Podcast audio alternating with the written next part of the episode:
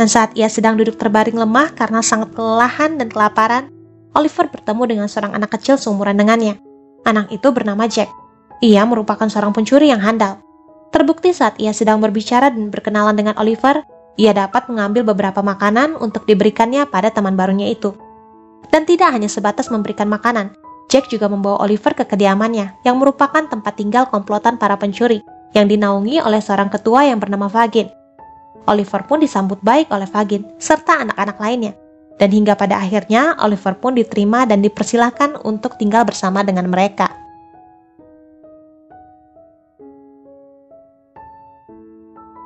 Setelah beberapa hari tinggal di kediaman para pencuri, Oliver pun mulai diajarkan tips dan trik cara mencopet.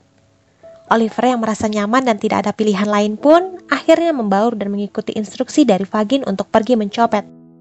Bersama dengan kedua temannya, Oliver pun ditugaskan untuk menjalankan